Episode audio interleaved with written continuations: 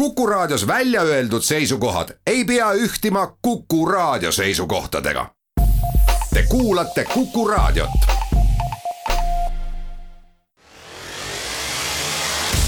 K-komando kolmkümmend, mehed maski taga. saade valmib koostöös Politsei- ja Piirivalveametiga. mehiseid jutte ja mehiseid mehi toetab matka- ja militaartarvetega taivoster.ee kaunist kolmapäeva õhtu jätku, head kuulajad. kuku raadio ja Politsei- ja Piirivalveameti ühine saade on võtnud taas eetrijärje üle, rääkimaks meestest maski taga, kellest vähe teatakse, keda endid veel vähem teatakse.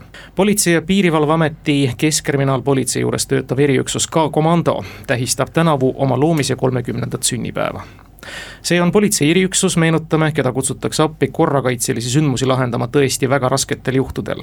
kinni pidama relvastatud või väga ohtlikke kurjategijaid, ennetamaks ja tõkestamaks kuritegusid, kus on ohus inimelud. Nad on appi olnud palutud massiliste rahvarahutuste mahasurumisel, nad on olnud kohal muudel ekstraordinaarsetel sündmustel, mis vajavad erioskustega politseiametnike oskust, jõudu, osavust, teavet ja varustust. enamasti kõike seda kombineerituna oma tänases saates me oleme võtnud sihikule ajad ja kombed, milliseid nüüd turvatunde ja korrakaitselises mõttes kindlasti ei igatse ja tagasi ei taha. Me siirdume üheksakümnendatesse aastatesse, nüüd on lõpuks hea meel tervitada nendest kaugetest karmidest aegadest kolme asjaosalist külalist, head K-komando keel tõrgub seda sõna küll nüüd külalisi nähes ütlemast, veterani, mehi, kes päris algusest või natukene hiljem on alustanud ja väga pikki aastaid seda tööd teinud. ja olgugi, et head külalised ei tööta enam K-komando rivistuses, me ei hakka vastavalt tavale ja vist ka seadusele nende nimesid nimetama. nii nagu siis ja nii nagu tänagi, on nad heade kuulajate jaoks numbrid oma mundri revääril, nii et tere tulemast teile kolmkümmend kuus. tere. null üks. tere. ja null neli. tere kaardistame ära, te olite nüüd päris esimestest päevadest juba K-komando liikmed, siis kui Henn Kask selle ülesande sai, politsei juurde luua ka reserv, nagu seda nimetati, hästi ebasobiv nimi muidugi toonasel ajal, sellise üksuse kohta ja et te olete päris esimestest päevadest olite rivis või? päris esimestest ei olnud, et mina tulin juunis, esimesel juunil, aga muidu seal olid juba enne, enne meid olid töötajad ees, kes on juba lahkunud oma parematele töötingimustele ja kes, kes kuhu siis, eks ole. no mina liitusin üheksakümmend üks oktoober. ja kolmkümmend kuus? kolmkümmend kuus tuli üheksakümmend üheksa ja kolgi ajal puhtalt, et et selles mõttes Enn Kaskku ma tean, aga tema all ei töötanud, et no ikkagi suhteliselt ikkagi võime nimetada nendest karmidest aegadest te tulite. ja üldjoontes teie kaks, kes te juba töötasite sisuliselt veel mitte iseseisvunud Eesti politsei aegadel korrakaitselistes jõududes, no enam-vähem ju teadsite, kuhu te siirdute, mis ees ootab. kas olid siis vähe paremad tingimused, mis teid ees ootasid, kui võrte reservi ja eriüksuse nii-öelda staatust ja nime kandsite? seda nüüd küll ei saaks ütelda võib-olla selles suhtes, et me töötasime üle vabariigi, et et äh, töö oli huvitavam võib-olla kui tava, tavapolitseil. töö oli põnev jah, aga varustus ikka võrreldes praegusega ikka jättis soovida, aga asjad said tehtud no see töö oli huvitav selles mõttes, et erinevalt nüüd tänasest päevast, kui eriüksus tõepoolest väga kaalutletult ja no väga sihipõhiselt, mulle tundub, teinekord ikkagi kaasatakse, mitte et ka ootamatud juhid seda ei nõua. aga toonasel hetkel vist vajati teid tõesti kõikjal, sest et ajad olid sellised, te käisite üsna palju puistamas, küll hõbumaju, küll igasugused metallilaadungeid ja kus iganes info laekus tipa-tapalt, et noh, varjatud jälituselt, et pätt on liikvel, siis kummide viline ja minek kuidas see operatsioon siis toona paika pandi, autos või? tegelikult ikkagi meid, kui võib ütelda, tellis ikkagi kriminaalpolitsei pool ja eks neil olid omad tööd ja plaanid. ja kui neil läks asi teravaks ja reaalseks, siis ikkagi võeti meiega ühendust ja siis me kaasati ja nii me siis kaasas kulgesime nendega no see ühenduse võtmine toonasel ajal, kui mobiiltelefonid olid küll olemas, aga ilmselt mitte nii suured ja kobakad teil kaasas, no mingil ajal tulid piiparid, aga kuidas see nii-öelda valmisolek oli? enne seda oli noh, kellel oli kodus telefonid, need olid siis nagu e-, esmased, siis noh, tol ajal Enn Kask oli siis, kes helistas, siis olid jaotatud nagu piirkondade peale nagu juhid, kellel on siis telefonid, võtavad vastu, siis autodes oli veel tol ajal see siseministeeriumi side, sideaparatuur nagu telefon, et autod olid käes ja aadressid olid teada ja siis oligi nii, et puht füüsiliselt mindi järgi, et ära tuua, et ega muidu teatada ei saanudki kellelegi noh, autod on hästi öeldud, tegelikult oli reaalselt üks auto ja üks mõtteline buss oli. Aga... Volga ja Rahv. aga et kokku saime, see oli lihtsalt kõhutunne ja lihtsalt me olime kogu aeg olemas. entusiastid ka jah, ja ma olen kuulnud, et null üks oli see kuldsete kätega mees, kes seda Volgati rahvi tavaliselt ka liikumas hoidis. ja kuidas siis tavaliselt oli teada, et äh, kas keegi on vaja võtta või kuidas te plaani siis rääkisite, sellesama sõidu peal rääkisite kokku ja siis lendasite peale, sest no, et taktika pidi ju olema? ja ei no taktika tak, sai panna, et kõigepealt tuli koguneda baasi, et oli, et meil sihukest äh, päevasel ajal jah, kui oli see kaheksast hakkas tööpäev ja viis lõppes, nii kaua olid baasis, aga meid oli ööpäevaringselt vaja, siis oligi, et tegelikult saime baasi kokku, et meil küll käsitulirelvad olid kogu aeg käes, et kui vaja, sai ka kohe välja mindud, aga siis ei olnud ei kuuliveste, kuigi need kuulivestid olid ka väga suur sõna, sõna, sellepärast et tegelikkuses olid meil killuvestid, mis äh, kuuli ei pidanud, et oli niisugune, tulevikus sai neid proovitud ja need lasid läbi kõik, mis läbi lasti. tegelikult meile saime pärandi, kolisime pagarisse, me saime pärandiks äh, siis endise KGB maja töötajate varustuse seal, rasked kiivrid, kuulivestid, mis olid välja veninud metallplaatidega, et noh, oleks neid oli mõttetu kasutada, nii et, et kulgesime lihtsalt. no põhjus, miks me just nimelt ka komando veteranidega lisaks olmele nendest kõneleme, meil on ka mitmed sündmused, millega ka on ületanud siin uudiskünnist ja millega on tulnud seletada ja rääkida kõike seda, mis toimunud. kaks kaks lennuki kaaperdamise juhtumit on nüüd küll sellised, mis on jäänud ainsaks taasiseseisvunud Eesti riigi ajaloos tui,, tui-tui-tui selle peale. üks neist oli kahekümnendal veebruaril aastal tuhat üheksasada üheksakümmend kolm, kui Tjumeni-Peterburi lennuki nii-öelda kaaperdas üks isik, kelle puhul polnud teada, kas tal on kaasosalisi. ja tema oli sedasorti isik, kes nõudis siis selle lennuki nii-öelda täistankimist Tallinnas ja edasilendu siis kusagile lääne poole.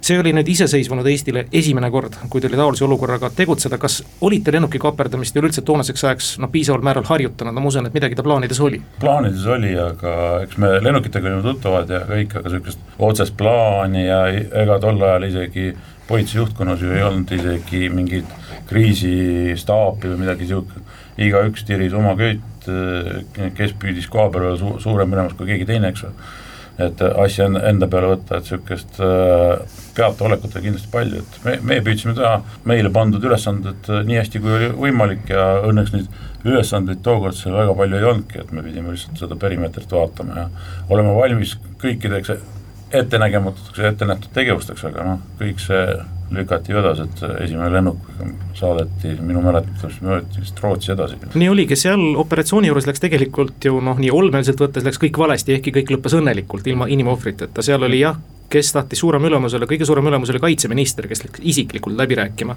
kaaperdajaga, mida nüüd läänemaailmas küll no kahe käega haaratakse peast kinni, kui kuulatakse.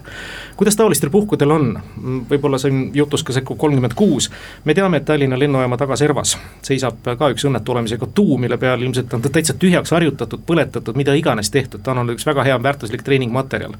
aga ma ei tea, filmidest me oleme näinud, et eriüksus koguneb lennukitiivade alla ja siis ootab käsklust ja siis läheb sisse, kuidas tegelikult asjad käivad? ja nii ongi nii ongi nii ongi.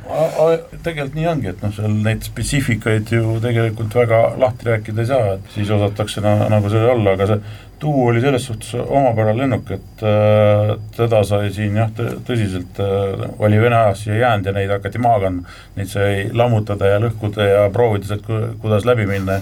seal sai selgeks ka, et ega selles tuu, tuus ju palju ruumi ei ole ja ma ise jooksin selle kuulivestiga niimoodi kinni, et keegi, keegi ei liikunud enam edasi ega tagasi, et no see, ta, ta ongi lihtsalt äh, väiksemate inimeste jaoks, aga tänapäeva lennukid on selles suhtes, et antakse ka võimalus treenida nende peal ja et selles suhtes on nagu Estonian Air ja kes meil seal kõik need Lufthansad ja kõik, kes nagu nad on huvitatud sellest asjast, et, et see oleks turvaline, et kui midagi juhtub, et nad saavad abi, mitte ei ole niisama. Õnneks oli omal ajal oli siin mitu lennukompaniid, oli Eesti Lennukompanii ka, kes omas ka tuulennukeid, saime reaalselt lenduvate lennukite peal treenida omal ajal, aga selles suhtes oli nii, et Vene lennukid head ja lihtsad, enne käisid lihtsalt lahti, luugid ja uksed, võrreldes tänapäeva nende uute lennukitega, et neil on probleemsem siseneda, kui oleks nendesse vanadesse. tuu oli madalam ka, et tas on nagu lihtsam, lihtsam ligi pääseda. samas vaata Eesti Õhk ikkagi lubas meil, noh ta ikka näitas kõik aknad ette, me küll ei tohtinud neid avada, sest see avamine maksis jälle X summa või N summa raha, et aga me teadsime, kuidas see peaks teoorias lahti tulema, kuidas see uks peaks lahti tulema, et noh, me tegime selle nagu nii-öelda läbi kuidagimoodi, et me tundsime seda lennuki ehitust, noh, praktiliselt ütleme, silmad kinni, siis me lihvisime seda omal ajal ikkagi väga-väga palju. väga palju jah, et too Tjumeni-Peterburi lend läks siis tõepoolest siit Stockholmiga tegelikult edasi, kus kaaperdaja ennast kätte andis. nii et nii palju tuldi talle vastu ja noh, Stockholmis teati teda siis oodata ja selles mõttes lõppes õnnelikult. järgmine lend, kakskümmend neli november üheksakümmend neli, Sõgtõkvaar, Peterburi lennuk, taas kord kaaperdaja, keda oli vist kodulinnas hirmsasti taga kiusatud ja tal no ühesõnaga peast hulluks läinud kaevur. temaga oli tegemist ja kuna hullud on alati väga ettearvamatud, noh seda teate oma tööst isegi öelda, siis too lennuk jäi siia paika, nii palju oli vist õnne, et kaaperdaja kaaperdaja lubas lennuki tühjaks teha inimestest. ja siin ta lõpuks siis ka kinni võeti, siin oli vist päev pikk ühel hetkel, kuidas see teie jaoks kulges, kui nii palju, kui teil meeles on? meid teavitati, kui lennuk oli veel õhus, et me jõudsime lennuväljal nagu valmis juba ja siis oma mikrobussiga võtsimegi talle sappa, kui ta maandus, ta tuli järve poolt ja siis suunati ta sinna ruleerimisraja lõppu, et äh, lagedisse. Äh, jah, kohe täitsa lõppu, et ta jäigi otsapidi sinna, ega seal väga palju nagu infot ei olnud, et see oli niisugune kaela kahe otsaga asi, et sõitsime nagu kohale, lennuk jäi seisma siis noh, niisugune huvitav nüanss oli see, et äh, noh, lennukil see oli jälle tuu, et on see inimeste väljalaskmise uks ja ava, teine on siis pagasiruum kabiini taga, pagasiruum läks lahti ja siis ke keegi rahulikult urineeris sealt äh, suure kaarega ja siis tekkis küsimus, mis kaaberdamine, eks ole, midagi niisugust, et kõik käib nagu väga imelikult aga noh, siis oligi, et meie olime valmis jälle lennuki taga, et selles suhtes, et öö, oma mikrobussis ja siis need protsessid nagu läksid, et seal eks need ülemused jälle jooksid, kes püüdis siis, ega seda staapi nagu niisugust äh, mingisugune oli, aga, aga ta sellel tasemel, mis ta tänapäeval on, et me, meie juhtkond nagu õppis äh, pikaldaselt, aga ära õppis, et ütleme nii. no oli, oli natuke parem korraldus, kui oli esimese lennuki puhul et seal ikka mingisugused, mingisugused normaalsed loogilised tegevused käisid ja alustati läbirääkimist ja siis need päädis sellega, et reisijad tulid välja. aga ja. mingeid rolle polnud ju meil ei. tol hetkel ei olnud, et kes ei. on redeliga, kes on see, et ja sellest enda väljaõppe veel oli niisugune kaotsaga asi, et aga peale seda nagu hakka, hakkasime nagu rõhku panemagi nende lennukite peale.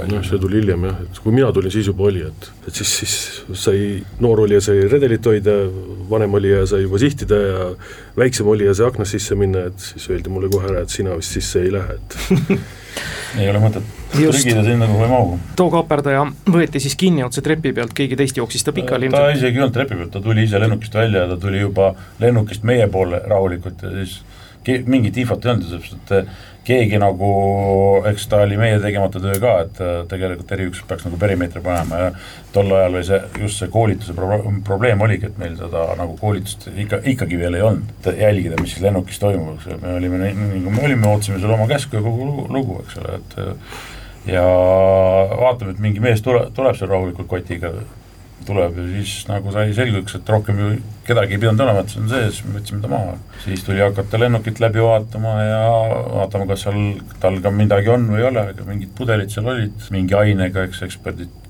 tegid kindlaks või teinud, kas seal oli midagi või ei olnud, neil on omad eeskirjad. mis tast sai, kas ta poos üles või? jah, ta läks kohtupsühhiaatrilisse ekspertiisi ja jõudis enne seda esitada ka veel äh, poliitilise asüüli palve, ta kuulis raadiost muide hullumajas seda uudist, et äh, seda talle ei anta. tagasi lükatud, jah. ja tagasi lükati ta siis poos ennast ülesse. aga juhtumitega jätkame pärast väikest reklaamipausi. K-komando kolmkümmend, mehed maski taga saade valmib koostöös Politsei- ja Piirivalveametiga.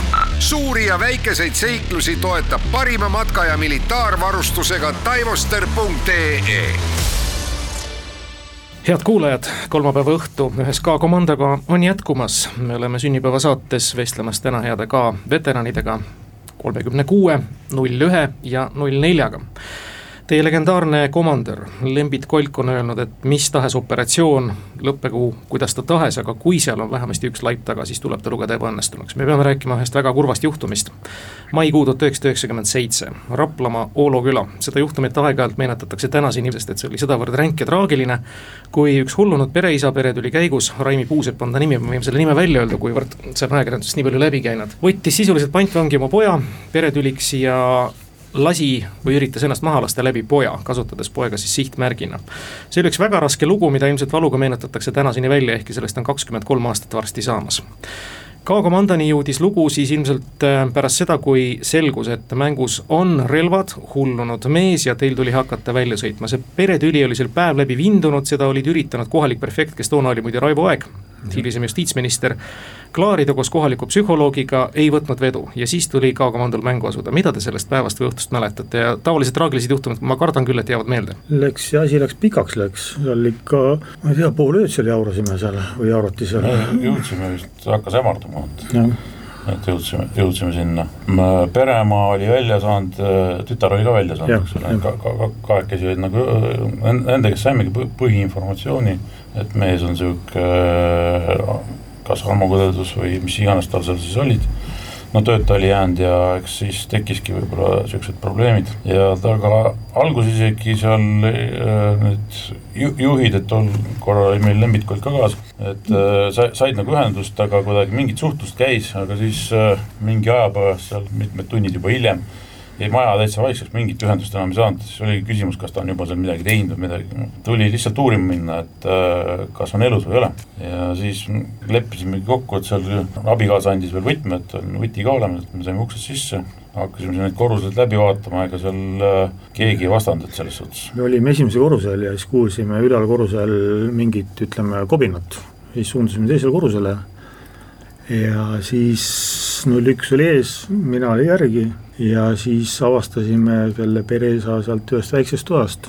ta oli katusealuses nurka ja null üks hakkas temaga siis seal vestlema, et kõik on korras, kõik on rahulik, kohta midagi ei ole. mingi aeg ta kuulas meid ja siis kõlas selline no, tume, tume selline vastasid, ta läks nagu minu poole. tume, tume mütsakas ja siis saime aru, et oli toimunud laskmine aru ei saanudki, kelle, kes kas poiss oligi veel pihta saanud alguses. ja siis ta seal, ei mäleta, kuidas oli, siis mina võtsin selle poisi sealt ja suundusin poisiga välja, panin autosse, siis nägin, et veri on taga. poiss veel pooluimane nagu jah, mingisugune elumärk oli, aga siis ei saanud aru, kui tõsine see asi oli ja muidugi siis sõidutasime selle oma autoga sinna Rapla haiglasse. olgu siis raadiokuulajale taustaks öeldud, et tegemist oli siis peretüliga, kus jah, üks ajend oli see, et naine lihtsalt teenis mehest rohkem ja see on üsna selline olmeline, mis võib katuse sõitma panna piltlikult öeldes. kuna naine oli kohalik nõidennustaja ja toonasel ajal olid siis noh, sellised käigud olid hästi popid. ja nõndaviisi see lugu juhtuski ja Raimi Puusepp lasi siis põhimõtteliselt kõhtu ise tehtud kärbikuga, noh, poisil oli sisemuses kõik segi, seal ei olnud midagi enam teha, verekaotus oli nii suur ja Rapla haiglas paraku siis kümneaastane või oli ta noorem isegi. üheksa. üheksane isegi jah, ja, ja poisil läks, Raimi Puusepp sai ise kümme aastat selle teo eest. nii et selline mida me seal avastasime, oli see, et tal oli karbitäis padrunid, kõik ülejäänud olid haavlid ja see oli ainus kuul, mis ta sisse oli pandud seesugused operatsioonid, ma usun, et iga operatsiooni järel võetakse loomulikult üksipulgi läbi, mis juhtub ja tolle puhul oli vist veel ka sisejuurdlus tuli peale ja kõik asjad, mm, kogu see kadaliit tuli ära teha tagantjärele analüüsides te ei teinud ju midagi valesti, sest et see kõik oli ju ühendoperatsioon, see oli väga kaalutud minek, seal ei olnud vist enam varianti. seal ei olnud varianti, aga üks möödapanek tol, tolle, tolle aja lähenemises oli see, et meil ei olnud kiirabi koha peal. et niisugustel operatsioonidel nüüd, nüüd alati kiirabi kohal, me kutsume ta ise kohale kuidas toonasel ajal psühholoogilise abiga, me räägime üheksakümne seitsmendast aastast, kas oli see lugu, et ma ei tea, kas siis oli juba kohustus minna pärast paugu tegemist, rääkida politseipsühholoogiga või see kohustus tuli hiljem? See tuli hiljem. hiljem, hiljem, hiljem. See, see tuli hiljem ja tegelikult ma ei tea, kas sa oled täitsa inimeses ka. no ma ei tea, nii palju kui mina teenisin, ma ütlen ausalt, et äh, ma ei oleks näinud kordagi nagu vajadust, et keegi peaks minema nüüd, ma ei tea, ikkagi suht robotid kõik ja kõik on ikkagi niisugused noh, päevast päeva ikkagi treenid selleks üheks operatsiooniks ja sa ei saa murduda. moraalselt, vot eriüksus ongi selles suhtes, et see tavapolitseinik võib-olla võtab oma tööd, et ta peab tegema seda patrulli ja asju, et ta ei ole selleks valmis küll mingiks tulistamiseks, et see on talle šokk, meie lähme välja, me teame, et see võib niimoodi minna, me oleme selleks valmis ja me oleme õnnelikud, kui selleks ei lähe valmis, vaja üldse. räägime ühest erilisest päevast, milleks oli kindlasti aasta liikpäev, kakskümmend üheksa veebruar see oli aastal kaks tuhat. Ja lähme nüüd Viljandimaale, siis saab ka kolmkümmend kuus liituda meiega nüüd sündmuse vahetu osalisena, kaks venda, keda pikalt taga otsiti ja meedia show saatel neist vennakesed kinni võeti, vennad Voigad Nende tabamise juhtum, neid aeti tagasi, oli Eesti politseile kuuldavasti juba auasjaks saanud, sest nad olid viimastel aastatel juba päris nahaalseks läinud ja no rõhutagem, et tegemist oli ikkagi kurjategijatega, kes Just. põhjustasid inimestele kannatusi, nad röövisid neilt relvi, nad röövis, röövisid neilt vara, panid nad tõepoolest reaalselt ka elu pärast kartma. mistõttu me ei räägi nendest kindlasti kui heroilistest kangelastest. aga noh, tollest episoodist isegi humoorikana on jäänud meelde justkui seik, et nad olid nõus siis välja tulema, kui nad näevad helikopterit sisemusest, seda nad ei saanud muidugi. aga ei, päris algusest minna või said? ei, helikopteri sisse ei saanud, piloot ei lasknud jah, selles ja. mõttes, et aga, aga see oli üks, üks, üks niisugune klausel oli jah, et tulge välja saate kohvi ja umbes et helikopterit ja siis nad nägid, et suur lind on nende põllul, et see on nii nende jaoks jah, ikkagi eks nad kuulsid ka, aga see oli selles suhtes, oli meie jaoks, ütleme, oli selline rutiinne väljasõit, et noh, seal oli käidud ennem, talus me oleme seal suvel käinud ja läksime sinna ja jäime perimeetri peale, niikaua kui kriminalistid tööd tegid seal, mis oli nagu kokku lepitud sellise Nad olid tund aega juba mõõtnud kõik seinad üle, et ja, ja väljas oli, väljas oli päris hea külm oli seal. niisugune jah nagu tänane ilm, aga uus tuul ja niisugune silmanurgast jooksis vett ja niisugune väga ebameeldiv oli. ja siis tund aega olid koha peal ja siis käib esimene lask, et siis vaatad kõrval nelikümmend meetrit on oma mees kõrval, mõtlesin, et mis krimkamees keegi nüüd näppis relva, et kus see nüüd, no see ei ole võimalik, et noh, me oleme tund aega oleme ümber maja olnud ja, ja töö käib ja siis käib äkki lask. ja siis tuleb kõrva, tuleb noh, raadiosaatega, et ka majja, ka majja, vennad majas, no kus nad said majja, see ei ole võimalik, et me oleme ümber maja, no päisepäeva ajal. no siis tuli välja, et mingi sauna peal mingi peidik, et eh, krimkamees tegi siis luugi lahti ja sealt vaatas ei, siis. seal nad mõõtsid seal just olid jõudsid mõõt-, mõõtmisega jõudnud saunaruumi ja mõõtsid seal just seda leiriruumi osa ja siis üks vendadest tegi luugi lahti ja mis sa siin teed, noh. ja siis läks sellest ramburaiks lahti ja Tramburai selgnes siis äh, peaasjalikult läbirääkimistes. Krüüger ja pärast tuli vist Kolk otseselt siis meestega rääkima ja keegi teist veel, null neli. TT-s oli noh, tegelikult jah, TT oli niimoodi, et äh, Krüüger alustas et selles mõttes, et äh, seisis mu kõrval, seal olime ja siis midagi ta proovis vestelda, aga sealt tuli sihukest noh, sousti tuli tõesti, vabandust, aga selles mõttes, et tuli no pläma, ma ei ole kunagi kuulnud kellegi niimoodi rääkimas, et kes oskab äh, suguelundit panna ritta lausesse, nii nagu venelased panevad, aga eesti keeles, et selles mõttes sealt noh, seosetud äh, lihtsalt võimalik, kõige võimalikuga.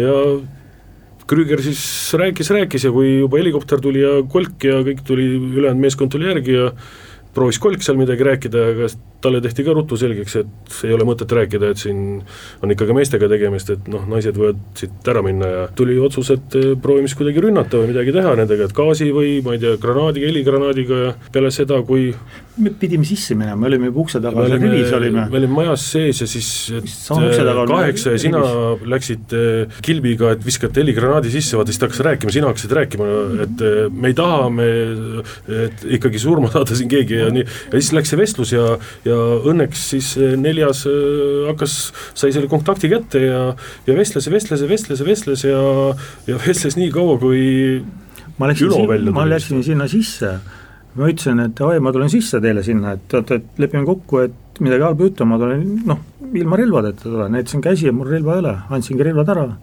Läksin sisse sinna, ajasin juttu nendega seal, ma ei tea, mis, mitu aega seal no see oli ikka jah, tund oli kindlasti, läks see, kõik see kestis, ma arvan, et kuni esimene siis, välja tuli, et ja siis saigi seal niimoodi räägitud, et davai, et üks vend, tulge välja, vaadake, et kõik on aus, nagu räägitud on. et teine võib oodata ja kui midagi ei klapi, et siis laseme venna tagasi sisse, noh, et siis, siis vaatame, mis lõpeb asi. ja siis üks vend tuligi välja, ma ei mäleta, kumb see tuli. Ülo tuli välja, jah ja käisime seal õues ära, ta nägis oma silmaga seda kopterit ja just tuli, rääkis vennaga, siis ronis vend ka alla ja kokkulepe sellest, et, et relvad jätab üles, et ühtegi tukki kaasa ei võta ja nii see asi lõppeski seal meil. on teil meeles, Neli, kuidas no nii palju kui lugeda on olnud, ega Aivar noh, nagu siin kolmkümmend kuus kirjeldas, äh, rääkis mahlakat eesti keelt, aga põhimõtteliselt seda seosetut juttu oli aru saada, et ta ei ole peas päris korras. ei, ei, ei. sellel mot-. siis, siis sel hetkel mina see. ütlen, et ta rääkis veel normaalset juttu, no mis normaalset, selles mõttes inimese juttu, et ta rääkis äh, sõna otseses mõttes, et noh, et mingi Vene sõjaväes peitu ja, ja metsas ja siia noh, et miks neid nii palju siin on ja no niisugune nagu, veel said aru, et noh, et niisugune, aga see oli nädal või kaks hiljem, me läksime arestimajja talle järgi, tõime ta Patarei vanglasse, haiglasse siis ta rääkis juba, et kas teil on buss kuulikindel ja kas teil on see ja kas teil on too ja pärast seda, kui ta sattus siis ta juba ajas jah, niisugust imelikku juttu, et pärast, kui ta sattus Viljandisse sinna arestimajja juba, siis ta no,, siis, siis, siis oli... ta seal juba hakkas ära keerama, siis ta see, nagu mhm. ütleme see kamber ei sobinud talle kuidagi. tal juba jah, tekkisid mingid piirid ja tekkis selline mingisugune ahistav tunne ja siis ta nagu muutus no aastaks kaks tuhat oli vist juba mingisugune läbirääkimistehnika ja koolitused olid ju olemas. spetsiaalsed läbirääkijate rühmad jõudsid Eesti politseirivistusse oluliselt hiljem. aga teie, no ilmselt ka midagi läbinuna, te olete vist ilmselt väga inimesetundja, et te saite nagu kellegi neist välja rääkida, mingile Mm. nõrgale kohale rõhuda, huvile vajutada või mis see täpselt oli? ei, ma ei oska ütelda, võib-olla sattusin temaga ühe joone peale või ütleme üh, ei no ühte, mis ühe ühte joone peal, sul jutt jookseb, see on selge, et et selles mõttes, et sa, ei müts, müts maha, ma ütlen, et äh, ta pakkus metsas tööd ja mis, kõike mida, peaasi, et tuleks välja, et selles mõttes, et no mõtleme, issand jumal, no mida ta veel saab pakkuda, et noh, et selles mõttes peale kohvi ja, ja suitsu umbes, aga selles mõttes, et noh, kusjuures ta suitsu vist võttis vastu veel, pandi talle pakki vesi. ei, me võtsime kaasa ja siis pärast isa Jah. tegi skandaali ja politsei pani suitsu pihta. leegi No, leegi pakk leeki oli läinud sealt jah, tal jah, tuvast võttis äh, mingit äh, paar pakki suitsu oli, võttis arestimajja kaasa, et sellised lood, me teeme siinkohal jälle väikese pausi ja siis jätkame meenutustega ühes K-komando veteranidega. K-komando kolmkümmend, mehed maski taga. saade valmib koostöös Politsei- ja Piirivalveametiga. mehiseid jutte ja mehiseid mehi toetab matka- ja militaartarvetega taivoster.ee me jätkame saadet, sel sulnil kolmapäeva õhtul räägime ja meenutame K-komando ajalugu tema kolmekümnenda sünnipäeva hakul ja ajal. nüüd võiks minna ühte väga töisesse päeva, mis oli kahekümne kuues märts aastal kaks tuhat kaks. mina olin sel päeval A Le Coq Arena'l, mäletan seda mängu.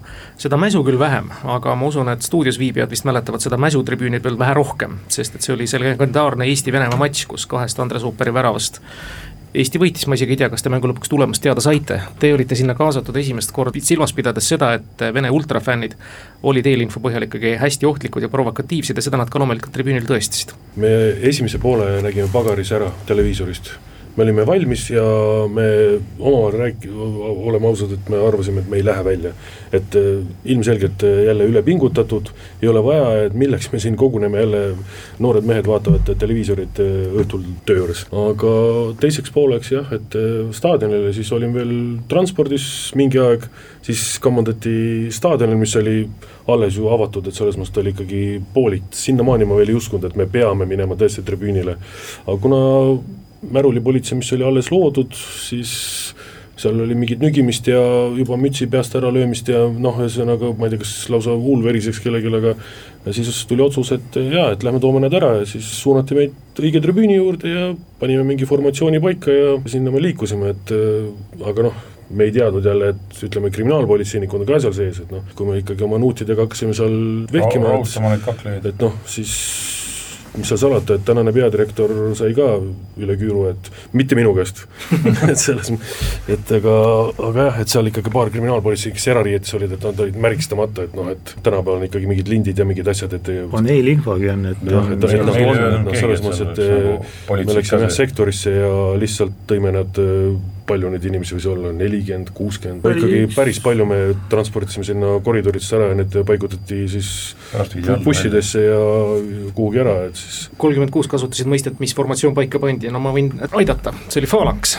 See oli seanina öeldakse. seanina selle kohta, mis ta nüüd täpselt on siis kolmnurgas peale? Kolmnurgas peale. ja, ja siis ka nupid neid välja, kes on vähe niisuguse kuraasikama olemisega ja siis ilusti pakid ära nii-öelda teie keeli. oli kolmnurk ja oli seal, oli kokku lepitud, et kolk ja kes sinna keskele jäävad, et juhendavad, aga kui see, me sinna tribüünile jõudsime, ega siis mis seal salata, ega lagunesime, lagunesime, et ei hoidnud lõpuni seda asja, et seal läks liikumiseks, seal läks seal jah, et noh, kes vaata liigub eest ära, kes läheb kellele järgi, et noh, ta ei, me ei hoia seda rivi enam niimoodi, et noh, hiljem see oli meie jaoks ka täitsa uus asi, et jooksu pealt kokku lepitud ja tehtud asi, et aga ma arvan, et me häbisse ei jäänud, et Neid kaadreid tasub võib-olla takkajärgi isegi vaadata, ehk on nad kuskil Youtube'is üleval, mis siis On, täpselt Vene tribüüni peal on. toimus ja nii, jõudsite baasi tagasi, saite riided seljast, siis tuli kõne, kolmkümmend kuus räägib. Saabus info, ei saabunud veel infot kuna me elame teatud inimestega elasime ühel tänaval ja me pidime ühe autoga ära sõitma ja ootasime null nelja järgi, et lähme neljakesi minema, et viib meid laiali.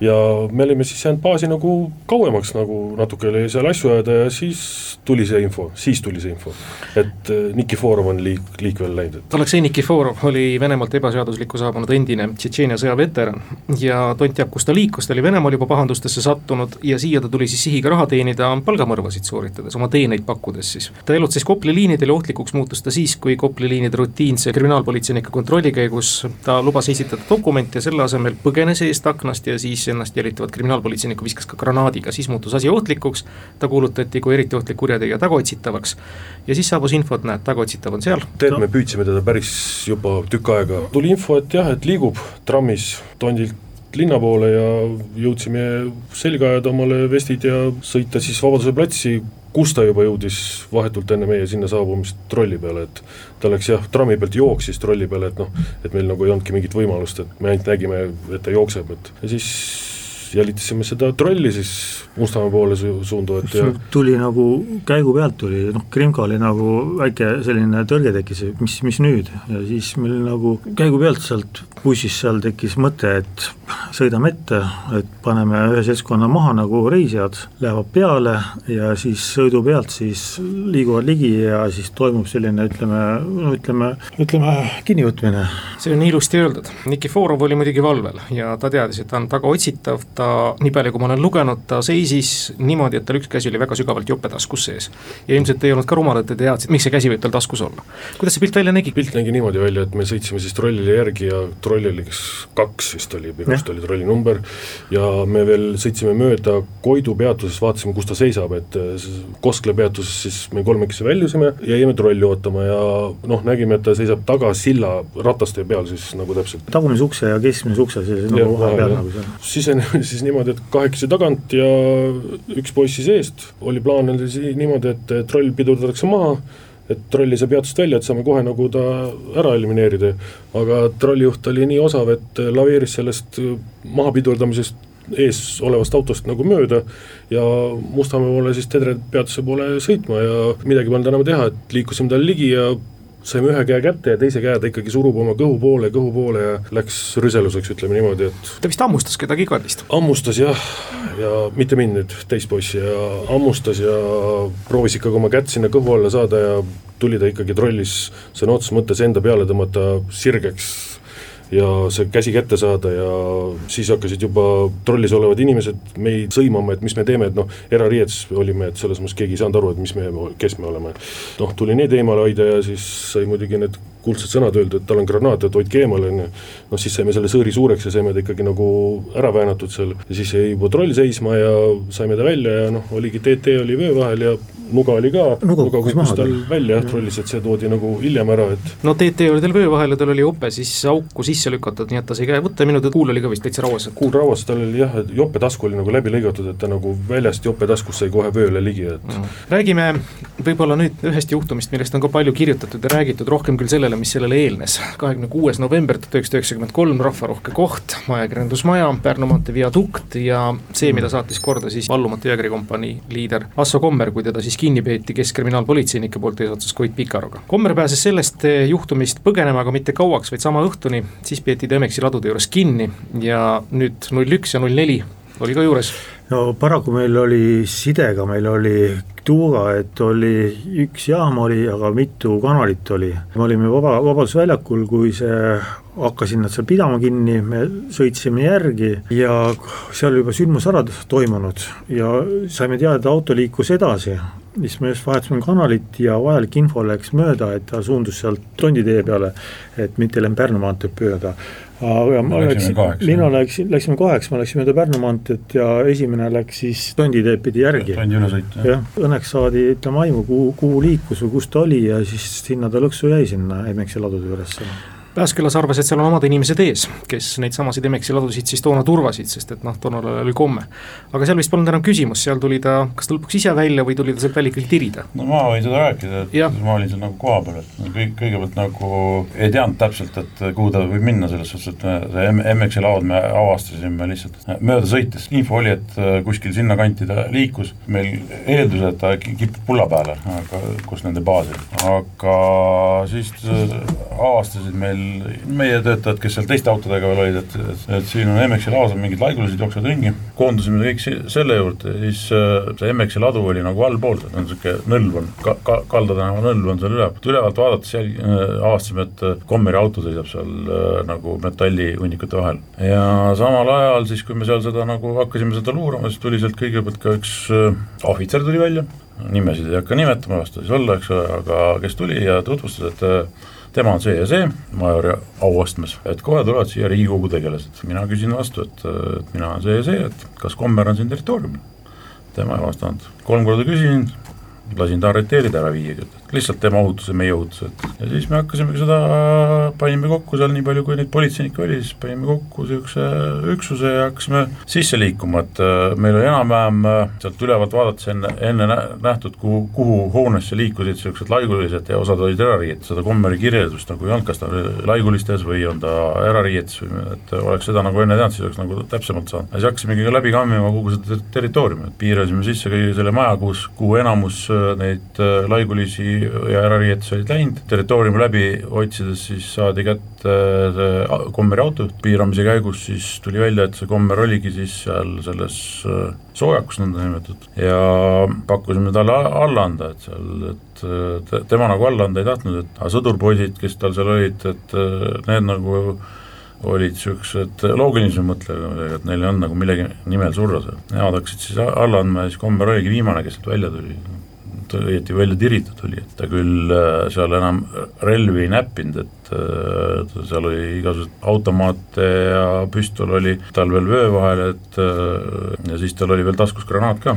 see tuli pagaris välja? see tuli pagaris alles välja. see tuli pagaris alles välja, küll, küll hiljem, aga siit oli näha, et ta tegelikult ei kavatsenud seda teha, aga kuna kamraadid nagu ei tahtnud tekitada lahingut, siis äh, oli võib-olla kõige õige, õigem ta niimoodi alla andis. hästi paljudel on loomulikult meeles toonasest ajast ja seda ikka aeg-ajalt eh, noh, mingid arhiivikaadrid kedrates antakse ette, kus siis räägitakse sellest eh, kuulsast verevalumist Kommeri silma all, aga selle kohta öeldakse, et ähm, kukkus kinnipidamisel kuus korda automaadi tegelikult ta kukkuski. kukkuski. ta, see oli, see oligi, see seal, ei kukkus noh, tal on pilt on, ta pilt on ka, kus ta on seal äh, soojakes, kus trepp on, sealt oli ja sirul ta sinna langes sinna maha. ja no väljatoomisel ta tegelikult ise komistas sellesse mm -hmm. ja ega ta ja sealt ta peas läks, aga käed olid ju selja taga, tal polnud ju kuhugi panna. aga pärast oli seda muidugi tal kaitsjatel hea märtiri rooline, eks ole, et no, nii, nii ta oli ka. see on alati niimoodi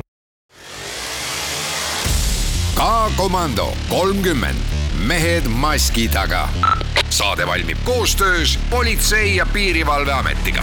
suuri ja väikeseid seiklusi toetab parima matka- ja militaarvarustusega taivoster.ee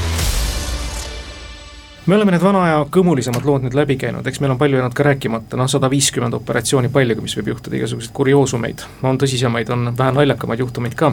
kas teil toonasel ajal oli ka spetsialiseerumine, et kes mille peale hea oli, kes oli hea ämblik, kes oli hea leskja ja, ja vastavalt sellele siis juba positsioneeriti ka või kõik tegid kõik? noh, kõik tegid kõike, vähemalt pidid oskama kõike ja, teha. seda niikuinii. seda niikuinii, et no ei no kindlasti olid snaiprid, olid ronijad no,. ronijad olid hiljem. no ronijad tulid hiljem, aga nad olid selles mõttes, et noh, minu ajal veel olid lõpus olid need, kes uksi avasid ja noh, taraanimehed.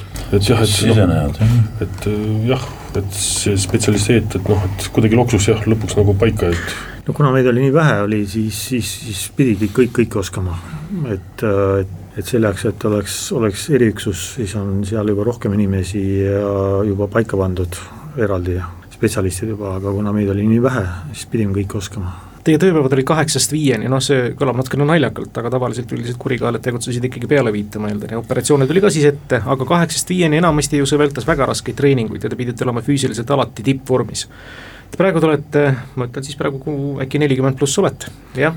viiskümmend seitse. seda ei tahtnud teada, ma ütlesin nelikümmend pluss praegu.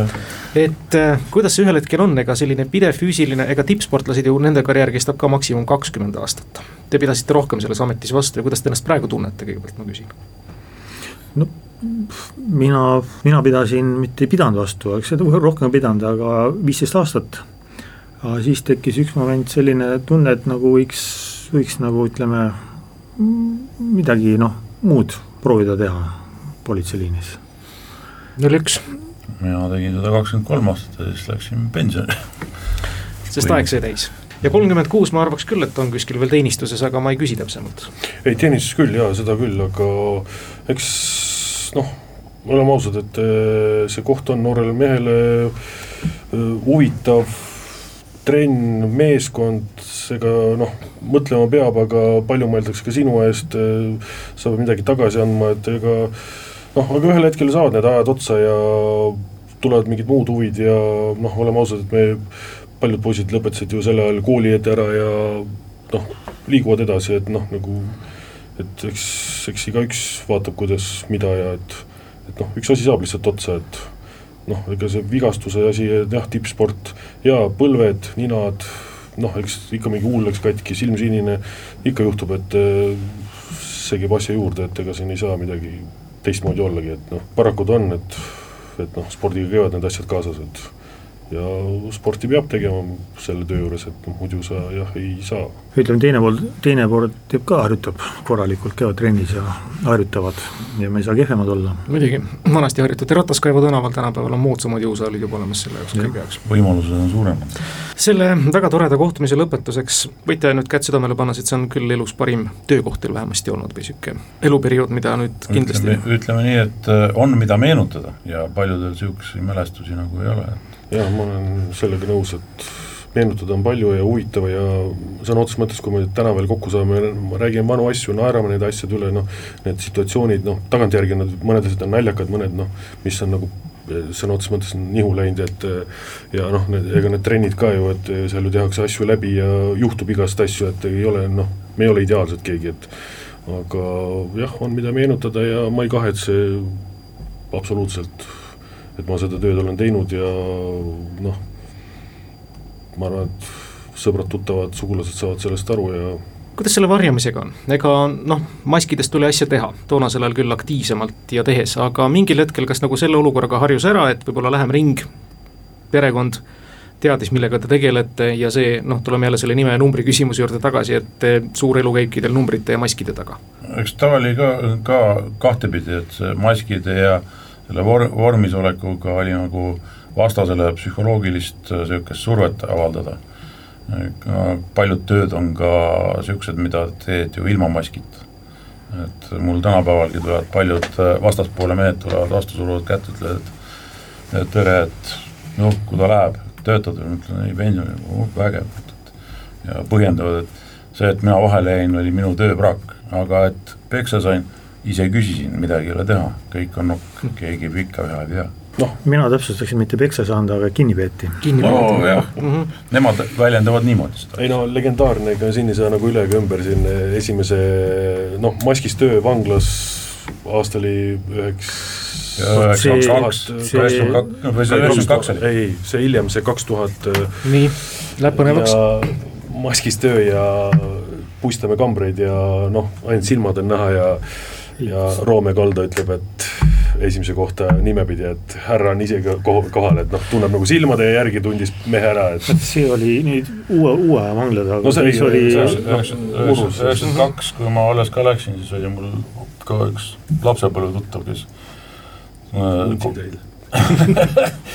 et läheks mööda, ütles tere! ja nimepidi, et ei olnud nagu selles suhtes tunne, tunnevad, teavad, et siin ei ole midagi teha eks ikka jah, siin selle tööga on maskiga, ilma maskita ja tihtipeale ilma maskita, siis eks pärast nagu siin on kõlanud jutust, et on ära tuntud, aga keegi nagu rusikat taskus ei hoia. jah, niisugust nagu peale tööd, et oleks keegi kuskil ligi tulnud ja öelnud, et sa oled see või see, et pole mitte kunagi, noh, vähemalt ei keegi ei julgegi ausalt öeldes. kas ei julge või selles mõttes noh, et eks see on mingi austus ka, sellepärast et mm. midagi üleliigset nagu ei ole tehtud, et äh, tehakse ju, nemad saavad aru, et me teeme oma tööd ja meie saame aru, et nemad teevad oma tööd no selle lõpetuseks võiks kõlada ka see, mida ma jõudsin lugeda, et kas see võis olla üheksakümne kolmandal aastal mitte ainult, et te vastaspoole jaoks psühholoogiliselt ei mõelnud, vaid te näitasite ennast ka nii-öelda kodupublikule, kui Vabaduse väljakul ütleme siin kümme-viisteist pätti korraga maha võeti mustade jõudude poolt, siis kuidas ümbruskond aplodeeris teile. aitäh teile, null neli, null üks ja kolmkümmend kuus täna õhtul meie saatega liitumas, soovime edu, jõudu ja kui olud vähegi lubavad, siis ilusat kokkusaamist ja loomulikult ka turvalist pidu. aitäh. K-komando kolmkümmend, mehed maski taga. saade valmib koostöös Politsei- ja Piirivalveametiga. mehiseid jutte ja mehiseid mehi toetab matka- ja militaartarvetega taivoster.ee